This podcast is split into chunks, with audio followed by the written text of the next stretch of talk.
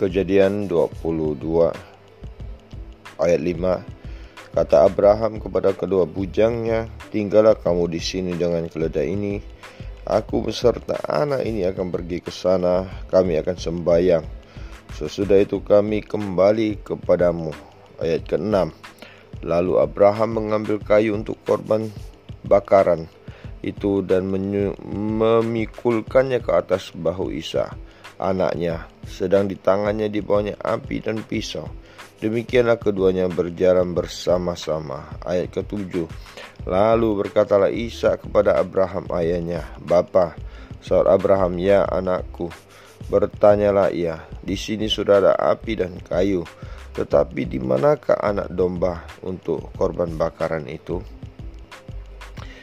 Sahabat berkat, kejadian 22 ini berbicara bagaimana kepercayaan Abraham diuji. Bisa sahabat bayangkan di saat mereka bersama-sama naik ke bukit untuk memberikan persembahan korban bakaran bagi Allah. Anaknya bertanya kepada bapaknya, kayu sudah ada, api sudah ada, di manakah korban bakaran itu? Anda coba bayangkan saat seperti itu. Karena Abraham biasa memberikan persembahan kepada Tuhan Allah dan anaknya pun sudah biasa melihat bagaimana apa yang telah bapaknya lakukan. Tetapi Abraham menjawab dengan penuh iman kepada Isa bahwa Allah lah yang akan menyediakan domba untuk korban bakaran bagi dia sendiri. Anakku, demikianlah mereka berjalan bersama-sama. Jadi, sebagai seorang bapak, saya bisa membayangkan apa yang saya harus beri jawab untuk seorang anakku, dan itu adalah anak perjanjian, anak yang diharapkan dengan luar biasa, dan anak satu-satunya. Namun, itulah iman Abraham diuji Makanya ia dikatakan seorang bapa orang beriman. Sampailah mereka ke tempat yang dikatakan Allah kepadanya Lalu Abraham mendirikan mesbah di situ Disusunnya kayu Lalu diikatnya Isa. Anaknya itu dan diletakkannya di mesbah itu di atas kayu api. Sesudah itu Abraham mengulurkan tangannya lalu mengambil pisau untuk menyembeli anaknya. Tetapi berserulah malaikat Tuhan dari langit kepada Abraham Abraham, sautnya ya Tuhan. Lalu ia berfirman, jangan bunuh anak itu dan jangan kau apa-apakan dia. Sebab telah ku ketahui sekarang bahwa engkau takut akan Allah dan engkau tidak segan-segan untuk menyerahkan anakmu yang tunggal kepadaku. Lalu Abraham menoleh dan melihat seekor domba jantan di belakangnya yang tanduknya tersangkut dalam belukar. Abraham mengambil domba itu lalu mengorbankannya sebagai korban bakaran pengganti anaknya. Sahabatku, ini adalah ayat 11 sampai 13. Betapa luar biasanya Tuhan Allah menggenapi, memberikan apa yang diimankan oleh Abraham sehingga ia boleh menerima janji-janji yang daripada Tuhan Allah.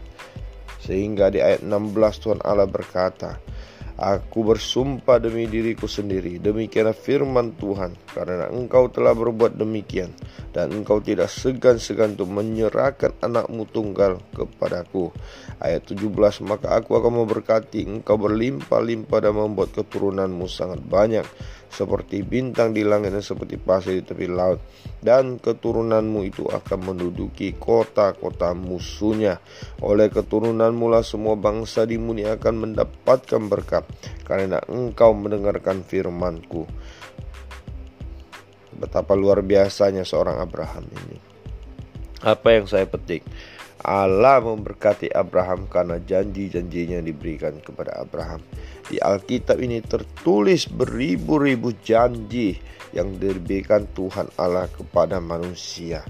Kita yang saat ini adalah hidup dan masa kasih karunia. Kita sudah menerima janji-janji yang ada di Alkitab. Kita tidak disuruh untuk mengorbankan anak kita. Kita tidak disuruh untuk mengorbankan uh, hal yang begitu kita cintai, yang begitu kita sukai, atau yang menjadi milik kita satu-satunya. Tetapi apa yang kita lakukan untuk menerima janji-janji Allah itu, jangankan kita untuk berkorban.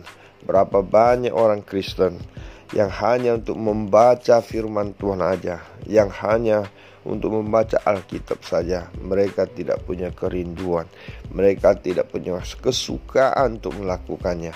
Apalagi disuruh untuk mengorbankan sesuatu yang miliknya yang begitu berharga. Untuk itulah sahabat berkat, saya mendorong sahabatku semuanya, apalagi di masa-masa seperti ini, di Alkitab begitu tertulis banyak janji-janji Allah yang disediakan buat manusia buat setiap orang yang percaya kepada dia.